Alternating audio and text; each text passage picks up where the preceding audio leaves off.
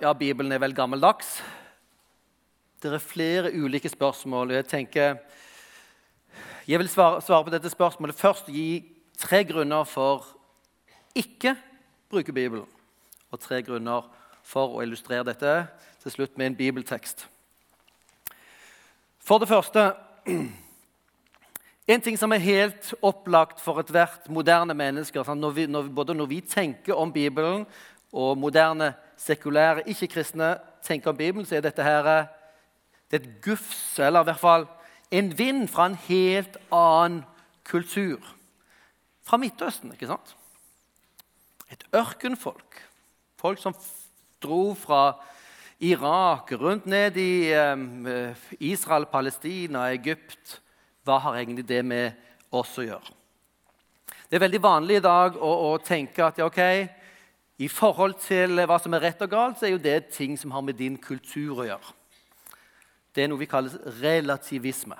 Selvfølgelig er det slik at rett og galt det er noe som du har fra din kultur. Sånn som at I noen kulturer så um, er det sømmelig å dekke alt. Og du skal bare se øynene på kvinnene, vel å merke. Bare øynene. I andre kulturer, som i Vesten, så det eneste man dekker, er øynene. Solbriller på stranden. Og viser alt resten. Det er helt klart at dette er kultur og verdier. Vi tenker litt forskjellig om forskjellige ting. Vi tenker ikke det samme i dag som vi gjorde i middelalderen. Og kulturen er selvfølgelig forskjell fra de 2000-3000 år gamle tekstene vi har i Bibelen, som også ble skrevet et helt annet sted. Og eh, vi reagerer jo sånn litt sånn umiddelbart som moderne mennesker når vi ser um, våre muslimske venner komme med sine antrekk. ikke sant? Om det er burka eller hijab, og mennene med disse hvite kappene. Oi, dette er annerledes. Dette er annerledes. Og det er kanskje ikke så rart heller at vi reagerer sånn. Det er ikke bare fordi vi er relativister. Men det er slik at kristendommen er faktisk ekstremt relativistisk når det gjelder kultur.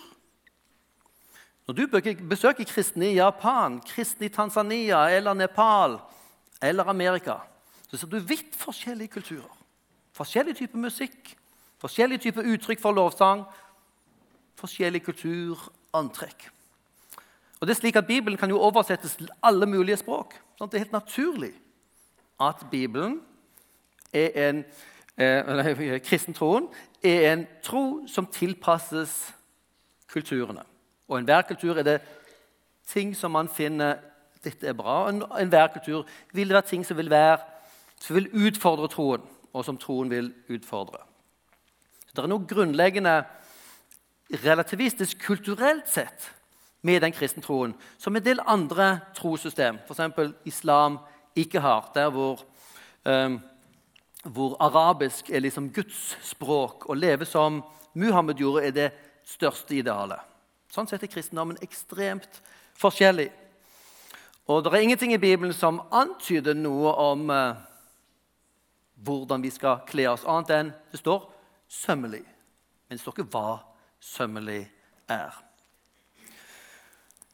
Og det er jo interessant eh, også i, i, forhold til disse, disse praktiske tingene. så, så har vi vers i Bibelen som sier Bibelen dreier seg ikke om mat og drikke. Mat og drikke betyr mye for veldig mange religioner. Hva er det som er forsvarlig, gudfryktig, og hva er det som ikke er forsvarlig? Og Dere vet jo jødedommen, som er liksom vår tros mor.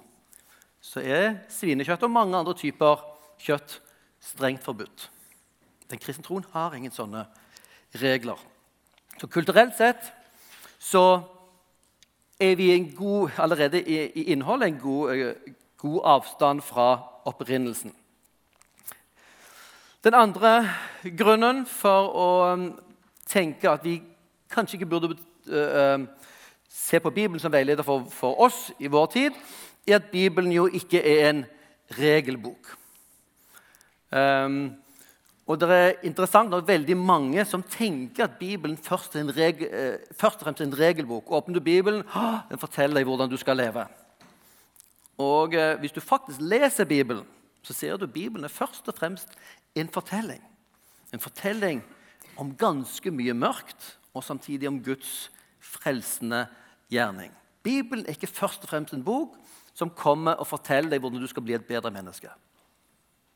Bibelen er gitt oss fordi at Gud har elsket oss så høyt at han ga sin sønn for at vi skulle ha evig liv.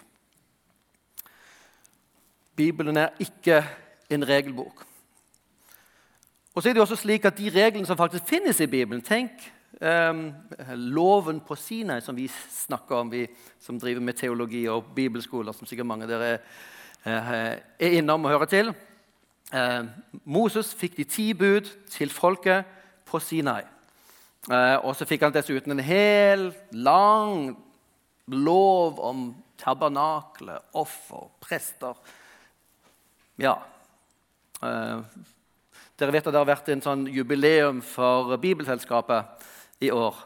Og les, vi leste høyt. Jeg var med og leste høyt um, i Kristiansand. Uh, og Jeg var litt spent på hvilke tekster vi skulle få, liksom hvor mange som hørte på dette. her. Og Det er ikke mange ganger du skulle ønske du heller kunne fått noen slektslister. Jeg skulle lese fra Tredje Mosebok kapittel 17 og utover lovene om kjønnslig urenhet. Høyt i Kristiansand. Uh, dette er ikke strengt tatt lover som vi kristne sitter over og å, Kan jeg få lov, kan jeg ikke få lov til dette? Dette hørte til jødefolket. Sant? Så Det er ikke opplagt at Bibelen er en lovbok for oss. Og så snakker vi fortsatt om ja, vi har jo de ti bud. Fortsatt, vi kristne. Ja, ni sabbaten. Sabbaten er kobla vekk. Vi er ikke forpliktet til å holde sabbaten, som er ett av budene. Men vi feirer hver søndag som, morgen, som i morgen feirer vi Jesu oppstandelse, som de kristne markerte sin nye identitet gjennom. Vi feirer Jesu oppstandelse. Det gjør vi i morgen. Det er ikke sabbatsbudet vi følger. Men bortsett fra det, hvis du ser på innholdet i de ti bud Det som slår deg med en gang, at mm, du skal ikke drepe, du skal ikke stjele, du skal ikke lyve, du skal ikke være utro Ok, Du trenger ikke være rocket scientist for å komme på disse her. Det er ikke noen nye ting. Alle er jo enige om de. Vi er litt uenige om hvem vi har lov å drepe. Sånn? Ok, Vi dreper ikke nordmenn. Men hvis de er slemme nok, okay, så har du lov. Du, vi har bl.a. militære og sånt, som, som, har lov til å drepe noen. Men generelt sett ikke. Vi har ulike regler om hvem som lov, har lov og ikke lov å drepe. Løgn Nei, vi er jo enige om det. Du lærer det tidlig. Og vi eh, prøver å lære barna det. Snakk nå sant. Samtidig så lærer vi jo barna å være høflig, som ofte betyr å lyve. Hvordan smakte barnen, maten, gutten min? Si til tanten hvordan den smakte. Vidunderlig. Godt oppdratt. Ja, det er jo hvite løgner. Men vi vet, og vi vet av oss sjøl, begynner vi å lyge, begynner vi å, å, ikke kunne ha tillit til hverandre, så bryter samfunnets si, bånd opp. Vi kan ikke stole på hverandre, vi kan ikke stole på noen ting. Frykt og usikkerhet vil, uh, vil styre og prege samfunnet. Vi trenger sannhet. Du skal ikke stjele, selvfølgelig. Hva er, hva er tyveri? Noen i Amerika mener at, at staten krever, krever, skatt. Er tyveri av mine penger? Jeg tror ikke mange i Norge tenker sånn. Uh, men det er ikke noen sånne fantastiske nye ideer som er i de fleste av de ti bud. Vi snakker om den andre lovtavlen. Og det er det som er interessant. Vi trengte ikke disse budene for å vite det er galt å stjele, drepe og lyve og være utro. I alle kulturer fins det regler om disse tingene. Hvordan de praktiseres, er litt forskjellig, men dette er faktisk ting du finner igjen, forteller antropologen oss. I alle kulturer regler om sannhet, regler om mennesket og livet osv osv. Bibelen er ikke en regelbok, og de reglene du finner, er merkelig nok regler du finner overalt i verden. Og så det tredje grunnen til at vi ikke skulle trenge Bibelen til å fortelle oss dette, her, er at det står jo bl.a. i Romerbrevet at Gud har lagt samvittigheten, eller lagt loven ned i hjertet på menneskene. Så De vitner selv om at Gud har fortalt dem hva som er rett og galt. Ok, Hvis Gud har lagt sin lov ned i våre hjerter, da vet vi det. Da trenger vi ikke gå til Bibelen. Og det er da Når Bibelen snakker om samvittighet, så betyr det at vi vet dette sammen med oss sjøl, at vi har gjort noe galt. Når, når vårt samvittighet rammes, så vet vi det. Fordi det er noe vi er skapt med. Det er en erkjennelse vi allerede har, som Bibelen, eller som forkynnelsen plutselig kaster lys over. Gud har gitt oss en samvittighet. Vi trenger ikke den listen engang med de ti bud for å finne ut hva som er galt eller ikke. Og Det er ikke sånn at kristne før de går ut på byen og Jeg leser, jeg leser uh, Bibelen kom til andre 2. Mosebok kapittel 20. Der står det Du skal ikke drepe. Oi sann! Det var sannelig godt. Her har jeg sannelig tenkt å gå ut og drepe litt i kveld. Um, men når det står her, så da kan vi finne på noe annet. Disko. Nei. Nei, de går på møte, ikke sant? Ok. Vi trenger ikke noen bok for å fortelle at disse tingene er galt. Når, når, Guds ord og Guds lov fortelles oss, så gjenkjenner vi også dette. her. Så dette er faktisk en, en grunn som man kan tenke at ok, vi trenger ikke Bibelen. Dette vet vi. Dette vet vi med oss sjøl. Dette vet vi også fordi vi klandrer andre for å ikke snakke sant, for ikke respektere oss som mennesker osv. Vi har en erkjennelse av at disse tingene er noe som er, har med virkeligheten å gjøre. Og så tre grunner for at vi trenger Bibelen. For det første så er det slik at eh, Bibelens fortelling bekrefter våre moralske intuisjoner. Vi har en intuisjon om at det er galt å drepe uskyldige mennesker. Men hvorfor det? Hvis du skal være virkelig kritisk og spørre den ordentlige grunnen for det mm, Er det objektivt galt, eller er det bare vår kultur som kom på det?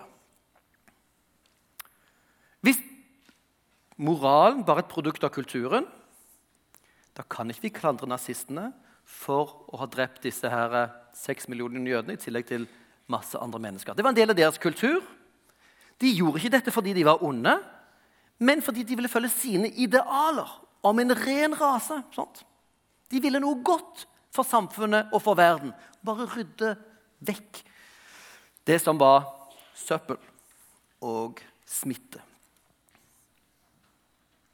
Var det galt? Hvis moral kun er en konstruksjon, kun skapt av kulturen, så har vi ikke noe rett til å si det er galt.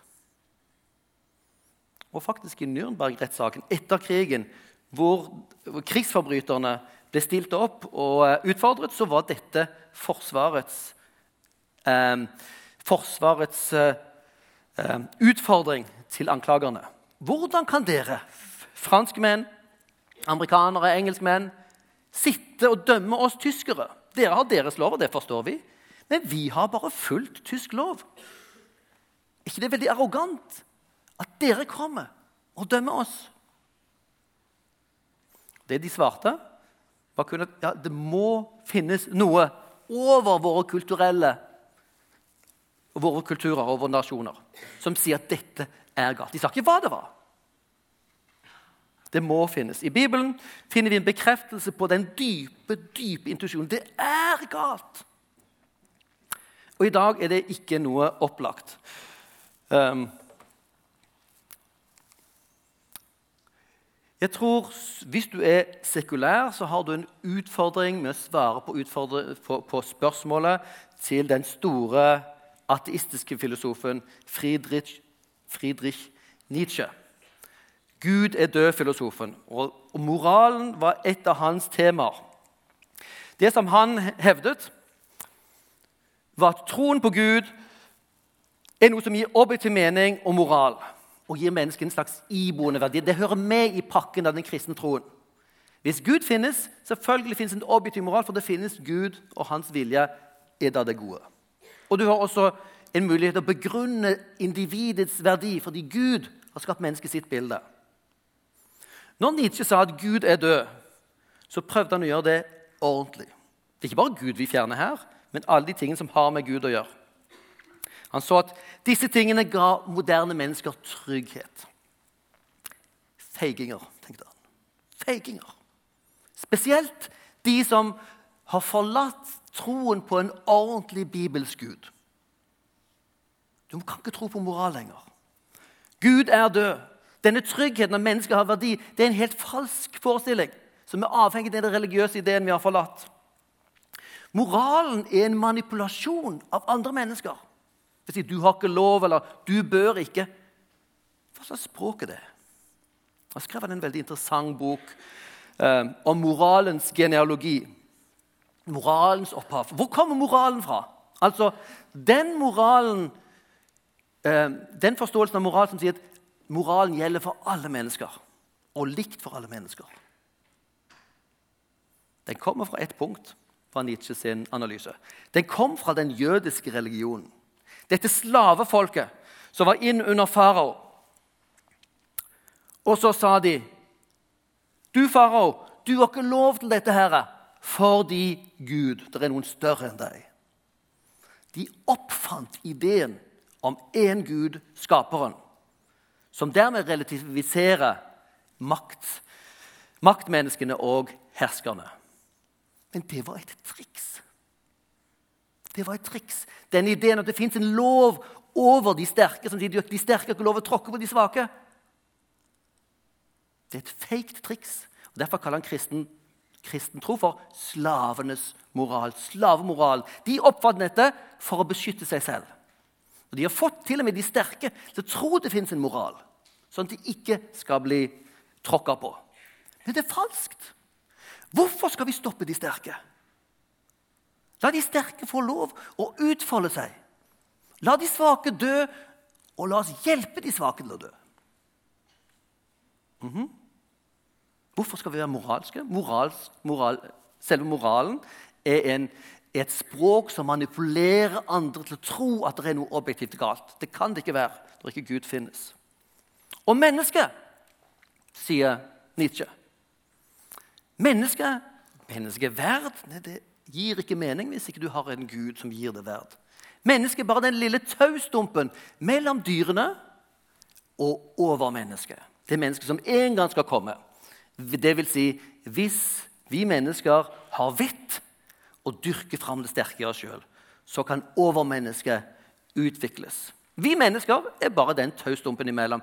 Ikke noe spesielt betydningsfullt. Vi trenger i dag, kanskje mer enn noensinne, bevisstheten om fordi det fins en Gud, fins det objektivt rett og galt. Derfor kan vi også si at det IS holder på å gjøre, er galt. Ikke sant? Så godt som alle intellektuelle og politikere er jo opprørt av det som skjer. Men det IS gjør, det er en del av deres tro, ideologi og kultur en av de skremmende tingene at de faktisk henter det fra Koranen og fra sin muslimske tradisjon. At de ikke bare er kriminelle. Men uansett, dette er en del av deres kultur å behandle mennesker sånn. Hvordan kan vi hevde at de gjør noe galt, hvis ikke det fins en objektiv moral? Jo, vi trenger Bibelen. Vi trenger faktisk en Gud for å forankre tanken om at det fins en objektiv moral. For det andre den kristne tro og Bibelen den forsterker det vi, det vil kalle den moralske impulsen.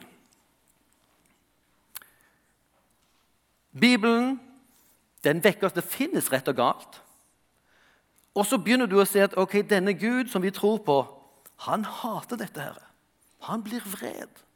Det skal være en dag hvor Gud holder, holder oss til ansvar for alt vi har gjort. Oi, rett og galt er noe mye viktigere enn jeg har trodd. Jeg har visst at det er viktig, men dette er noe viktig, mye større og sterkere enn jeg har våget å tro. Og Vi kristne vet jo også at når Jesus hang på korset, så var det et uttrykk for menneskenes ondskap. Vi brakte han til korset. Det var menneskenes ondskap og urett og geniale torturoppfinnelser som brakte Jesus dit. Og det var det som kostet han for å kunne tilgi oss. Og Vi har lært og forstår også at dette er også Guds dom over ondskapen. Gud tar det inn, seg, inn i seg, vår ondskap, og så rekker oss tilgivelse. Dette noe, Ondskapen er noe mye mer enn bare at det kanskje fins noe rett og galt. Det er noe som Gud er rammet av, og noe som Jesus har gått inn i, og som er en del av hans hjerte. Vi begynner å bli sensitive på en ny måte for rett og galt når vi leser Bibelen, når vi tar dette inn på alvor. Dette kostet det vår Gud. Så når vi kjemper med ondskap eller synd eller eh, vrange ting i vårt eget liv, da skal vi vite ja, dette kostet det Jesus. Og da hjelper det oss med oppgjør og gjøre de rette valgene. For det tredje tydeliggjør den kristne troen og Bibelen moralske verdier. Vi har en intuisjon om at menneskelivet er viktig, men hvem er viktigere? Og er slavene viktige? Har slavene menneskeverd? Har de fremmede menneskeverd? Så det er kulturene absolutt ikke enige om. Og Her vil jeg igjen dele med dere en av de største filosofene i dag. heter Peter Singer. Han er på pensum på de fleste universiteter, vil jeg tro. Når det gjelder både filosofi og etikk, og regnes som en av de 100 viktigste tenkerne i, i vår tid. Han argumenterer sånn at ok, litt sånn som han, han har gått og lært noe hos Nietzsche. Religion er ikke lenger grunnlag for vårt samfunn eller etikk. Vi er ikke religiøse lenger. Sant? Du kan ikke komme slepende med Bibelen inn på universitetet.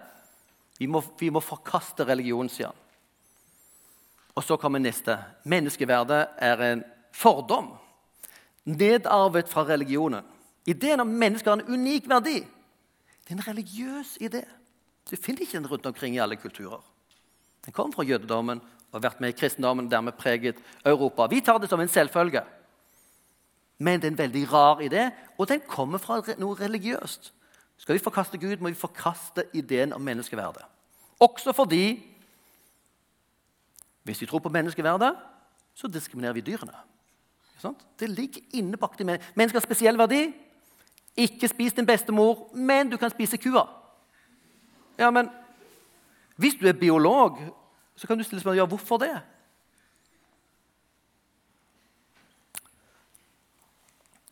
Han eh, tegner opp dette. her. Vi har lært at eh, eh, diskriminering pga. kjønn er galt. Diskriminering pga.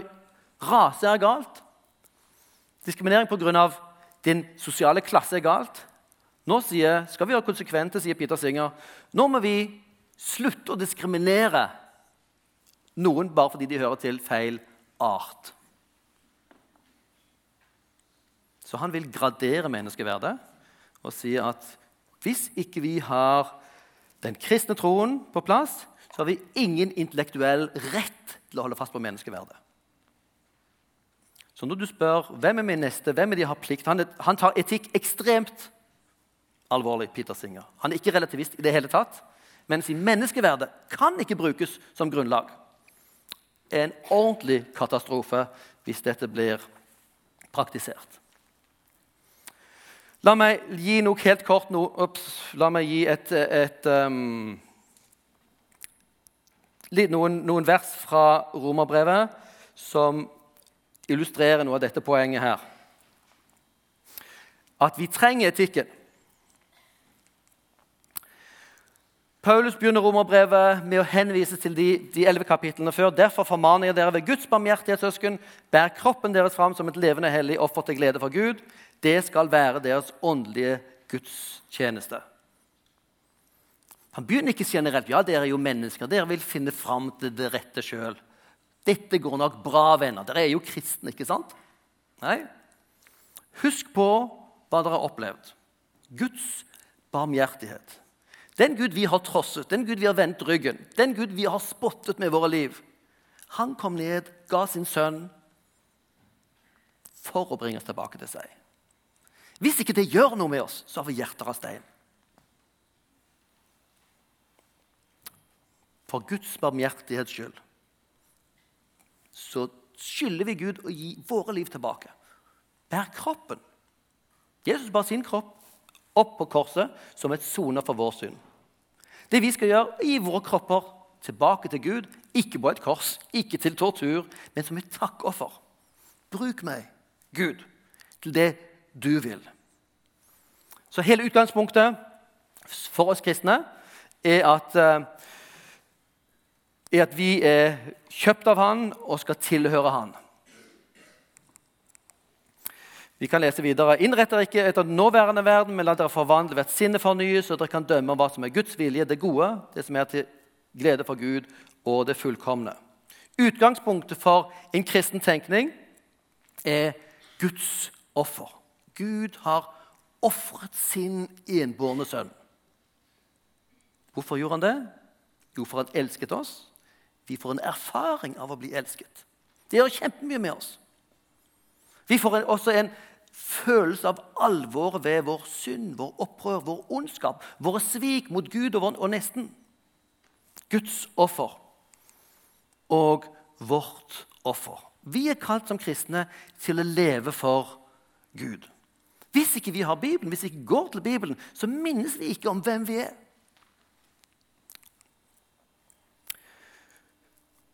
Kristnetikken og kristne, det kristne livet skal også være opptatt av å ikke bli preget av den tiden vi lever i. For kristne lever vi under press. Det ble nevnt her Vi lever i en tid som er skeptisk. Er en tid som er ekstremt skeptisk til kristne verdier. Det lukter jo middelalder av dette. her.